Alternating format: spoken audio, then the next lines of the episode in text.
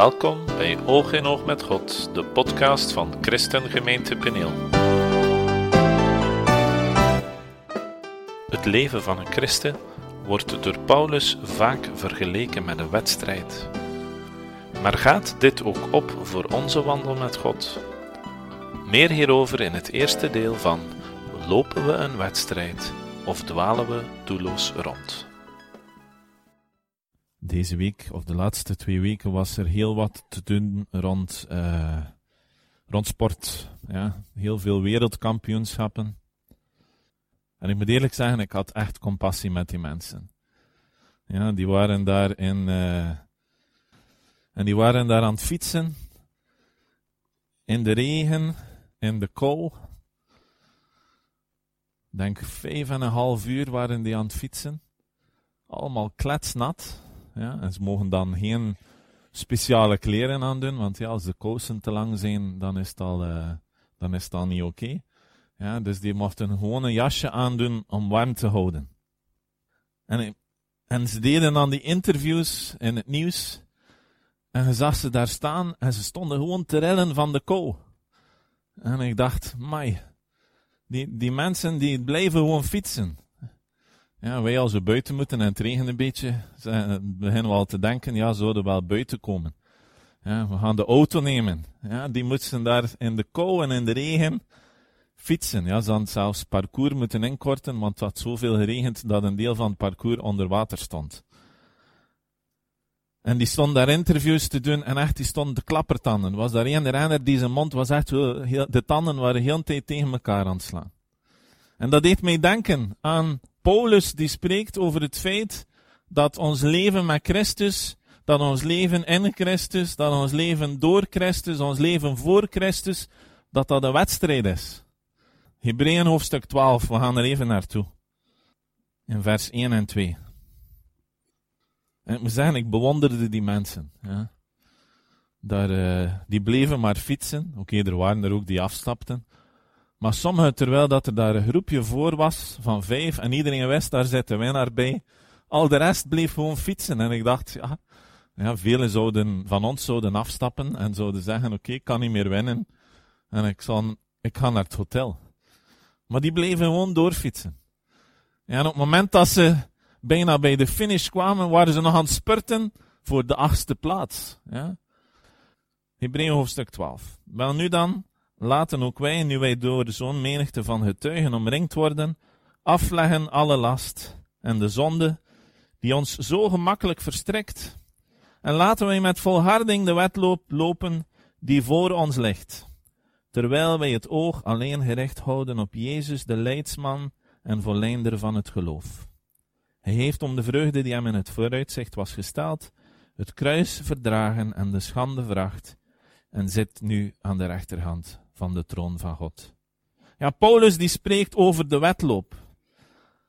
En hij spreekt over dat wij de wedloop moeten lopen, de wedloop die voor ons ligt, dat wij die moeten lopen met volharding. En ik was aan het denken aan die renners. Ja, dat is volharding. Ja, niet opgeven. Ja, die mensen, wat doen die? Elke dag opnieuw, die gaan gaan fietsen. Uren en uren aan een stuk. Ja, die hebben doorzettingsvermogen. Ja, die vallen, die staan recht. Ja, die fietsen weer verder. Ja, dikwijls zie je in de Tour de France vallen, ze breken een sleutelbeen en ze fietsen gewoon verder. Ongelooflijk. En hij weet dus, wij zo daar liggen, kermen van de pijn, die staan recht, stappen op een fiets en fietsen verder. En Paulus vergelijkt ons leven als christen met een sportwedstrijd. Ja, of dat nu lopen is, het was ook atletiek, eh, WK atletiek. Ja, die mensen bereiden zich enorm voor. En ik wil nog even naar 1 Corinthiërs hoofdstuk 9 gaan. Want dat zijn de twee versen die eigenlijk spreken over de wedstrijd. 1 Corinthiërs hoofdstuk 9 vers 24. 24 tot 27. En Paulus zegt, weet u niet dat zij die in de renbaan lopen, allen wel lopen, maar dat slechts één de prijs ontvangt? Loop dan zo dat u die verkrijgt. En iedereen die aan een wedstrijd deelneemt, beheerst zich in alles. Zij nu doen dat om een verhankelijke krans te ontvangen, maar wij om een onverhankelijke te ontvangen. Ik loop daarom niet zonder duidelijk doel, en ik vecht zo met de vuist dat ik niet maar wat in de lucht sla. Maar ik oefen mijn lichaam op harde wijze en maak het dienstbaar, opdat ik niet misschien naar anderen gepredikt te hebben, zelf verwerpelijk word. Ja, Paulus die, die op twee momenten vergelijkt hij ons leven als christen, ja, ons, leven, ons leven als volgeling van Jezus, ons leven in, voor, door, met Christus.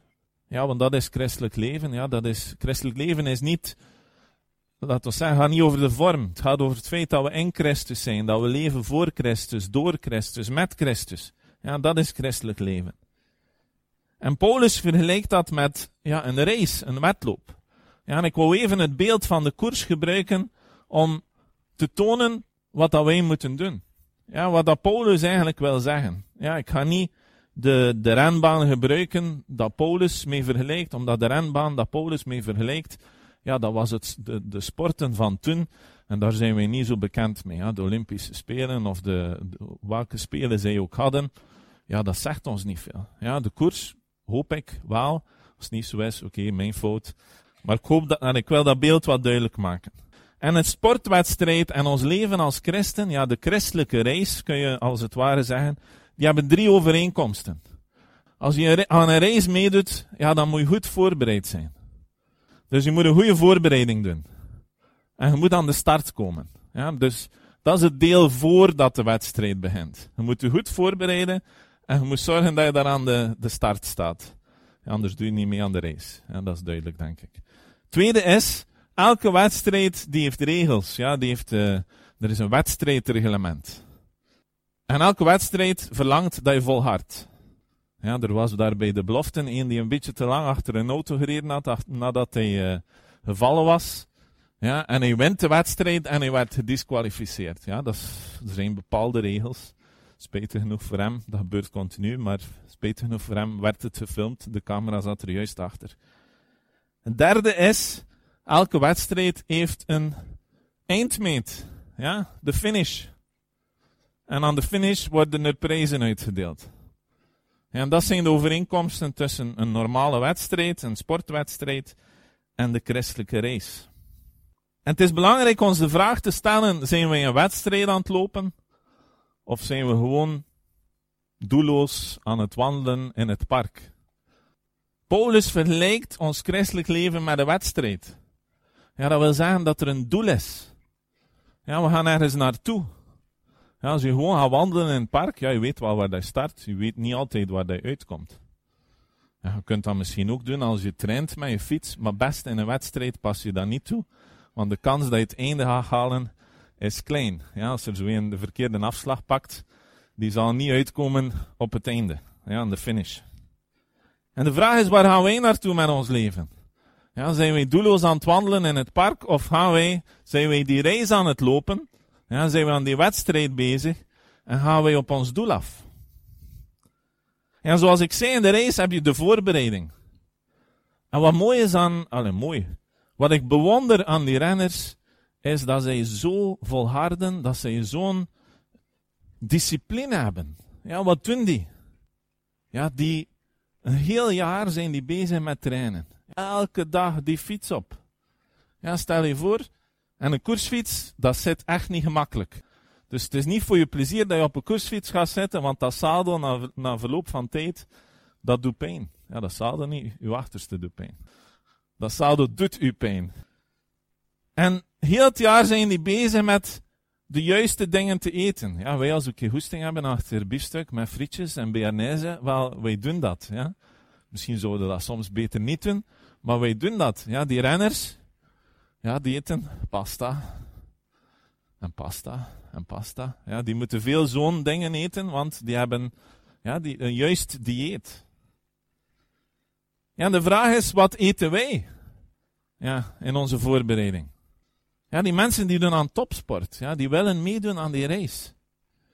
En die willen meedoen, de meeste van hen doen mee, niet omdat deelnemen belangrijker is dan winnen, maar omdat ze willen winnen. Anders was het geen topsport. Ja, die willen echt dat doel halen. Ja, en ik kan u zeggen, als ik vandaag zeg ik wil meedoen aan de Tour de France, ja, dat zal moeilijk worden. Dus Ik heb waarschijnlijk een paar kilootjes te veel. Ik heb waarschijnlijk niet genoeg getraind. En ik eet waarschijnlijk niet de juiste dingen. Ja, stel je voor dat ik daar aan de start zat van de Tour de France. En iedereen vertrekt. En ik begin achter te fietsen. Zij aan 45 per uur, ik 20, gemiddeld. Ja, dan is het rap gepasseerd. Ja, dus het is heel belangrijk dat zij zich goed voorbereiden. Ja, en ik wil de vergelijking maken. Ja, ik kan niet meedoen aan de Tour de France. Ik kan ook niet meedoen aan de Ronde van Vlaanderen. Dat gaat gewoon niet. Ja, die mensen fietsen veel te snel. Ik weet niet hoe ze het doen. Ja, ik kan dat zo 30 seconden aan 45 per uur. En dan is dat voorbij. Ja, zij trainen. Ja, de details zetten in die voorbereiding. Zij trainen, zij eten juist. Ongelooflijk. En de vraag is, wij moeten ook die race lopen.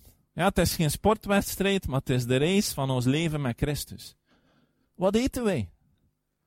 Eten wij voldoende? Eten wij de juiste dingen? Ja, stel je voor een topsporter die alleen eet één of twee keer per week. Ja, die houdt dan niet vol, hè? Maar wij hebben ook een race te lopen. Ja, dus wij houden dat ook niet vol als wij maar één of twee keer per week eten. Ja, het is niet de bedoeling dat wij als het ware anorexia hebben. Ja, dat wij niet willen eten of dat wij niet kunnen eten. Nee, wij moeten eten. Wij moeten ons voeden. En niet alles is goed voor ons. We moeten ons voeden met de juiste dingen. Ja, er zijn dingen die niet goed zijn voor ons. Ja, soms mogen kinderen niet kijken naar iets op televisie. Ja, soms is dat ook voor ons zo. Dat we beter naar bepaalde dingen niet kijken, omdat dat niet goed is voor ons, dat we daar naar kijken. Ja, sommige dingen niet lezen. Waarom? Het is niet goed voor ons. Ja, de wereld werkt zo. Ja, de wereld indoctrineert.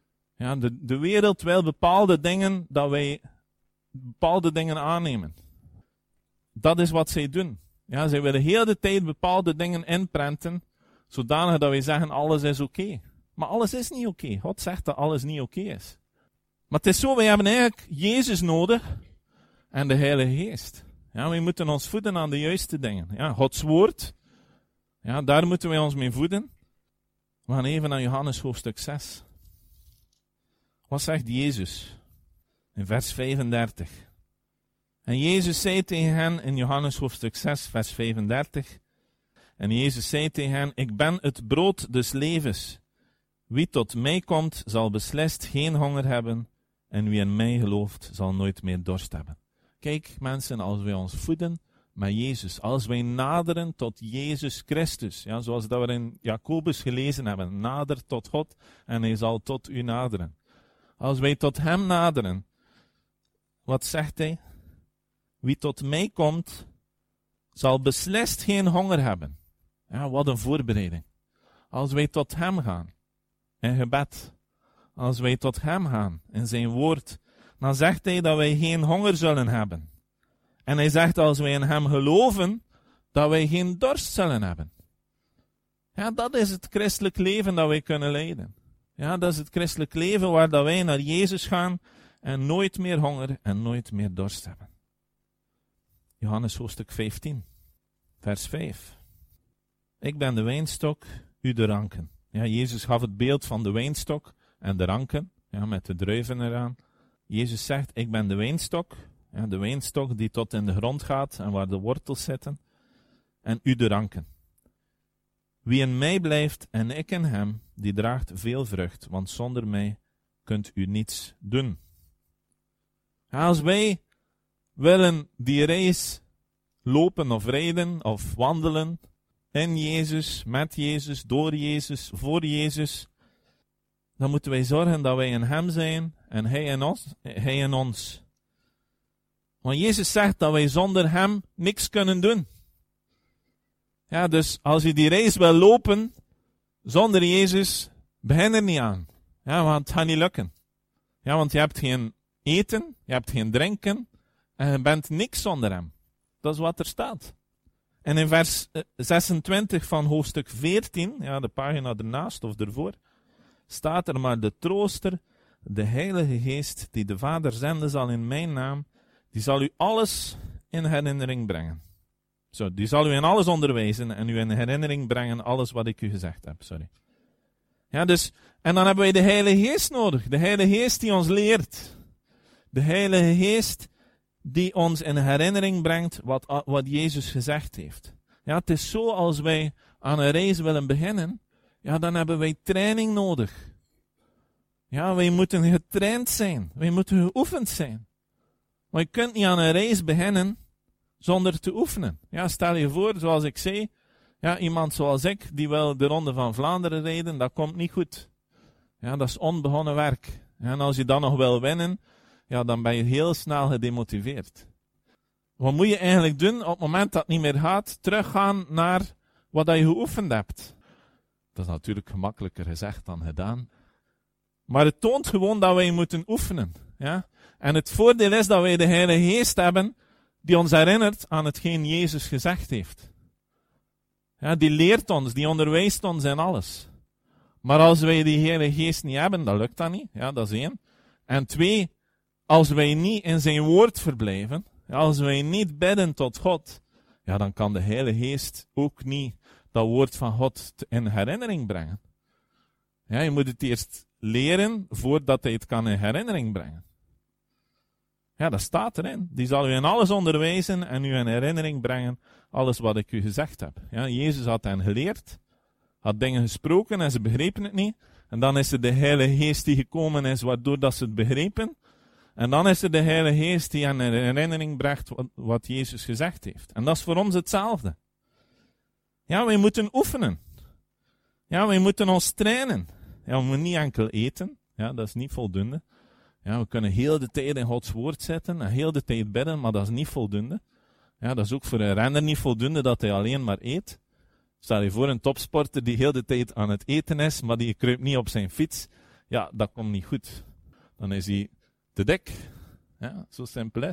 Dan heeft hij geen getrainde spieren, behalve zijn uh, slokdarm misschien en zijn maagspieren en al de rest. Maar voor de rest, de spieren dat hij nodig heeft om te fietsen, die zijn niet getraind. Ja, dus het gaat niet alleen over eten, het gaat ook over trainen. Ja, we zijn nog maar aan de voorbereidingen. We zijn nog de reis niet begonnen. We gaan even naar 1 Timotheus. En ik moet zeggen, die vergelijking hielp mij gisteren om te begrijpen wat dat wij als christenen moeten doen. En ik hoop dat dat ook voor u helpt. 1 Timotheus hoofdstuk 4, vers 6 tot 8. Paulus spreekt tot Timotheus en hij zegt tot Timotheus, als u de broeders deze dingen voorhoudt, zult u een goed dienaar van Jezus Christus zijn. Gevoed door de woorden van het geloof. Ja, Paulus zegt tegen Timotheus, als u een goed dienaar wil zijn, dan ben je gevoed door de woorden van het geloof. En door de goede leer die u nagevolgd hebt. Ja, er is enerzijds het woord dat je leest, het woord dat tot ons komt, het woord dat werd als een tweesnijdend zwaard. En daarnaast is er de goede leer. Ja, er is onderwijs nodig. Ja, dat woord, de Heilige Geest moet ons dat woord uitleggen. En vers 7 staat er maar verwerp de onheilige en onzinnige verzensels. Ja, dus hij zegt al, al hetgeen die niks waard is, ja, dat onheilig is, dat onzinnig is, doe dat weg. Ja, ik had daar straks gezegd, waarmee voeden wij ons? Ja, voeden wij ons met zijn woord? Is Christus ons brood? Is Christus ons drinken? Dan moeten wij de onheilige en onzinnige verzensels verwerpen en ons oefenen in de godsvrucht. Ja, dat is wat er staat in vers 7. Paulus zegt, oefen uzelf in de godsvrucht. Als wij ons klaarmaken voor de reis, dan moeten wij onszelf oefenen in godsvrucht. Want de oefening van het lichaam is van weinig nut. Maar de godsvrucht is nuttig voor alle dingen, opdat zij de belofte van het tegenwoordige en van het toekomende leven heeft. Ja, net zoals een atleet moeten wij oefenen. Ja, gewoon talent hebben is niet voldoende. Ja, gewoon de Heilige Geest ontvangen, wedergeboren zijn, is niet voldoende. Ja, wij moeten ons oefenen. We moeten ons oefenen als christen in de godsvrucht. Ja, net zoals een muzikant misschien talent kan hebben, maar die moet oefenen. Je hebt veel mensen die zeggen, oh, ik wou dat ik piano kon spelen. Wel, als je niet oefent, gaat dat nooit lukken. Net zoals de vrucht van de geest hebben niet lukt zonder te oefenen. Ja, wij moeten ons oefenen in Gods vrucht. Ja, de vrucht van God. En wat is dat? Gods vrucht. Galaten hoofdstuk 5, vers 22. Wat staat daar? De vrucht van de geest in Galaten 5, vers 22. De vrucht van de geest is echter liefde, blijdschap, vrede, geduld, vriendelijkheid, goedheid, geloof, zachtmoedigheid, zelfbeheersing. Daartegen richt de wet zich niet, maar wie van Christus zijn, hebben het vlees met zijn hartstochten en begeerten gekruisigd. Als wij door de geest leven, laten wij dan ook door de geest wandelen. Laten wij geen mensen met eigendunk worden, elkaar niet uitdagen en benijden. Ja, de vrucht van de geest is echter liefde, blijdschap, vrede, geduld, vriendelijkheid, goedheid, geloof, zachtmoedigheid en zelfbeheersing. Ja, wij moeten ons voeden, maar wij moeten ook oefenen. Ja, wij moeten ons oefenen in de vrucht van de geest. Wij moeten ons oefenen in liefde. Wij moeten ons oefenen in blijdschap, in vrede, geduld, vriendelijkheid, goedheid, geloof, zachtmoedigheid en zelfbeheersing. En is dat altijd gemakkelijk? Nee. Ja, net zoals die topsporter, als hij moet trainen, ja, dat dat niet altijd gemakkelijk is. Denk dat hij de ene dag ook meer hoesting heeft dan de andere dag. Als hij op zijn fiets kruipt en het is zo'n weer, denk niet dat hij daar echt naar uitkijkt. Ja, het is dat als ze soms een keer naar Monaco gaan of ergens uh, in een warm land om een voorbereiding te doen, omdat het gewoon aangenamer is dan hier in Vlaanderen. Ja, wij moeten Gods woord overdenken. Ja, wij moeten ons voeden met zijn woord. Wij moeten dat woord mediteren. Wij moeten daarover nadenken. Wij moeten de Heilige Geest ons laten onderwijzen. En eigenlijk moeten wij, wat wij moeten doen, is kijken waar wij staan. Ja, waar staan wij in onze wandel met God?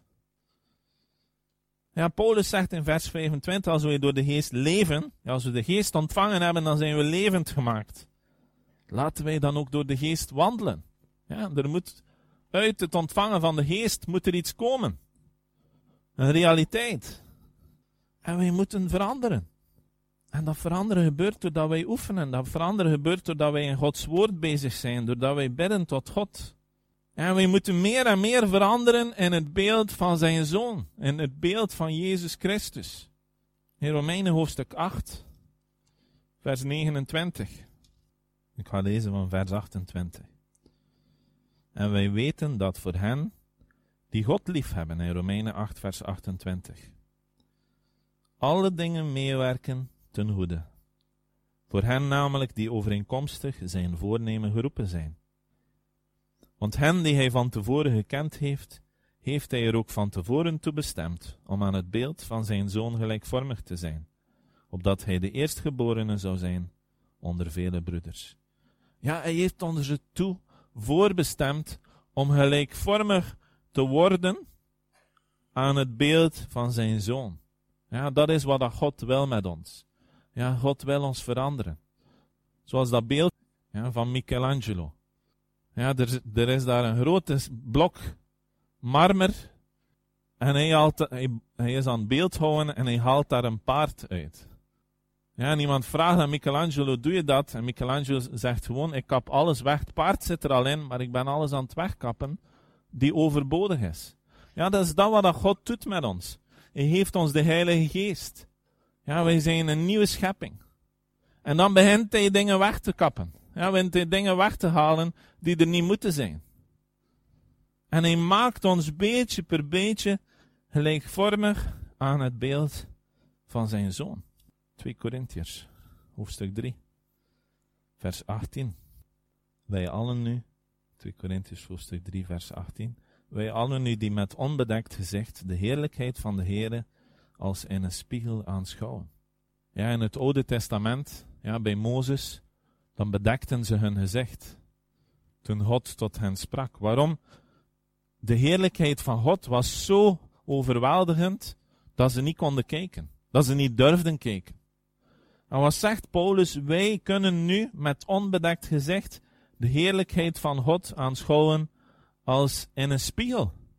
Ja, wat wil dat zeggen? Dat, dat wij kijken naar God. Wij kijken naar Jezus Christus, die, die de openbaring is van God op deze wereld. En wij zien onszelf. Ja, we zien God en we zien onszelf. Want we kijken als het ware in een spiegel en we zien, we zijn nog niet gelijkvormig aan het beeld van God. Maar het mooie is, er staat, wij worden van gedaante veranderd naar hetzelfde beeld. Van heerlijkheid tot heerlijkheid, zoals dit door de geest van de Heere bewerkt wordt. Ja, de geest van God, die in ons woont, wat doet die? Die verandert ons. Ja, die maakt ons meer en meer naar het beeld van God. Ja, je verandert ons. En wij moeten God toelaten om ons te veranderen, want er staat dat het de geest is die dat bewerkt. Heeft deze boodschap je geraakt? Wil je hierover graag met iemand spreken? Neem dan zeker contact op met ons via onze website www.peniel.be.